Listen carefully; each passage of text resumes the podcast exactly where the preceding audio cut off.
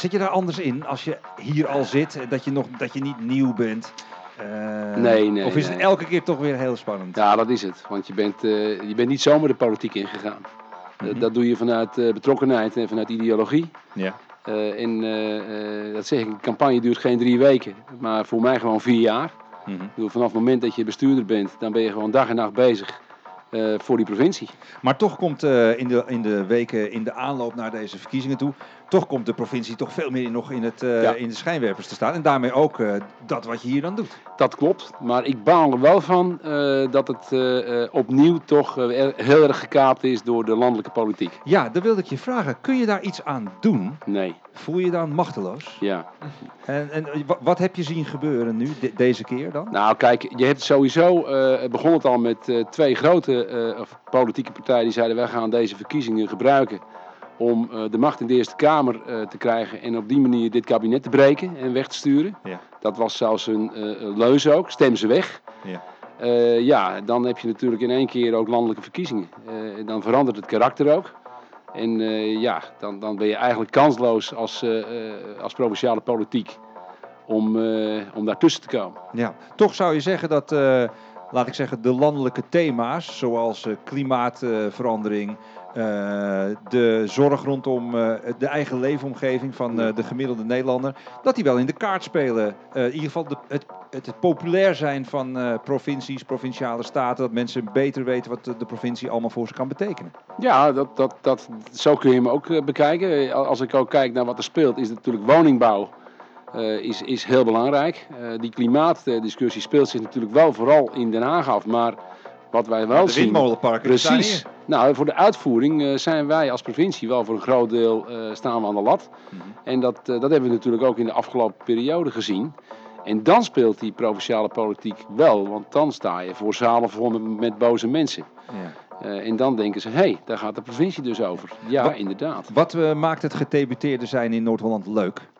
Nou, ten eerste hebben wij de mooiste provincie van Nederland. En dat meen ik oprecht. Eh, wij hebben een, want wij zijn een Randstadprovincie. Wij hebben Schiphol Airport. Ehm, en, en vergist u zich niet. Daar hebben we heel veel van onze welvaart aan te danken. In, eh, niet alleen in deze provincie, maar ook in Nederland. We hebben het havens van Amsterdam. Natuurlijk eh, de stad Amsterdam als icoon. Maar we hebben ook, en dat maakt ons bijzonder, 61% van de grond van Noord-Holland is landbouwareaal. Dus wij zijn ook een hele belangrijke Ja. provincie voor de landbouw. Eh, en we zijn een, eh by far de grootste als het gaat om toerisme en recreatie. En dat komt niet alleen door Amsterdam.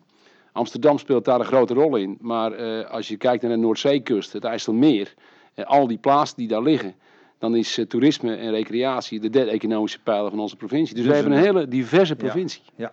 Eh, Jaap, eh, je bent van CDA. Ja.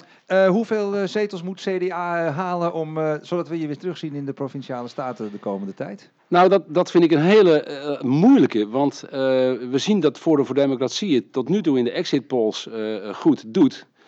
Dat zal in Noord-Holland, verwacht ik dan ook, niet anders zijn. Maar ik denk dat we die zetels in één keer kunnen afschrijven. Want we kennen ze niet. We hebben ze in niet één debat gezien. We, ze hebben geen verkiezingsprogramma als het gaat om wat willen ze in Noord-Holland. Dat is toch je, je basis van je onderhandelingen. Denk je dat het lege zetels worden? Daar ben ik een beetje bang voor. Dan heb je minder collega's eh, de komende jaren. Ja, maar dat maakt het wel lastiger om een eh, stevige coalitie eh, Ja. te vormen. Ja. Dus ik denk sowieso dat die versnippering ook in onze provincie gewoon gaat plaatsvinden vanavond. Je zult meer partijen nodig hebben om een meerderheid te krijgen in die staten als het gaat om een coalitie. En ik verwacht inderdaad dat er een groot aantal zetels zijn. Johan Remkes heeft ze spa, eh, spookstatenleden genoemd. Hm.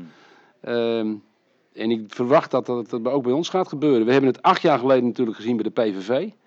Eh, die kwamen toen ook uit het niets binnen met zes zetels. En na één jaar implodeerde dat en hadden we vier fracties.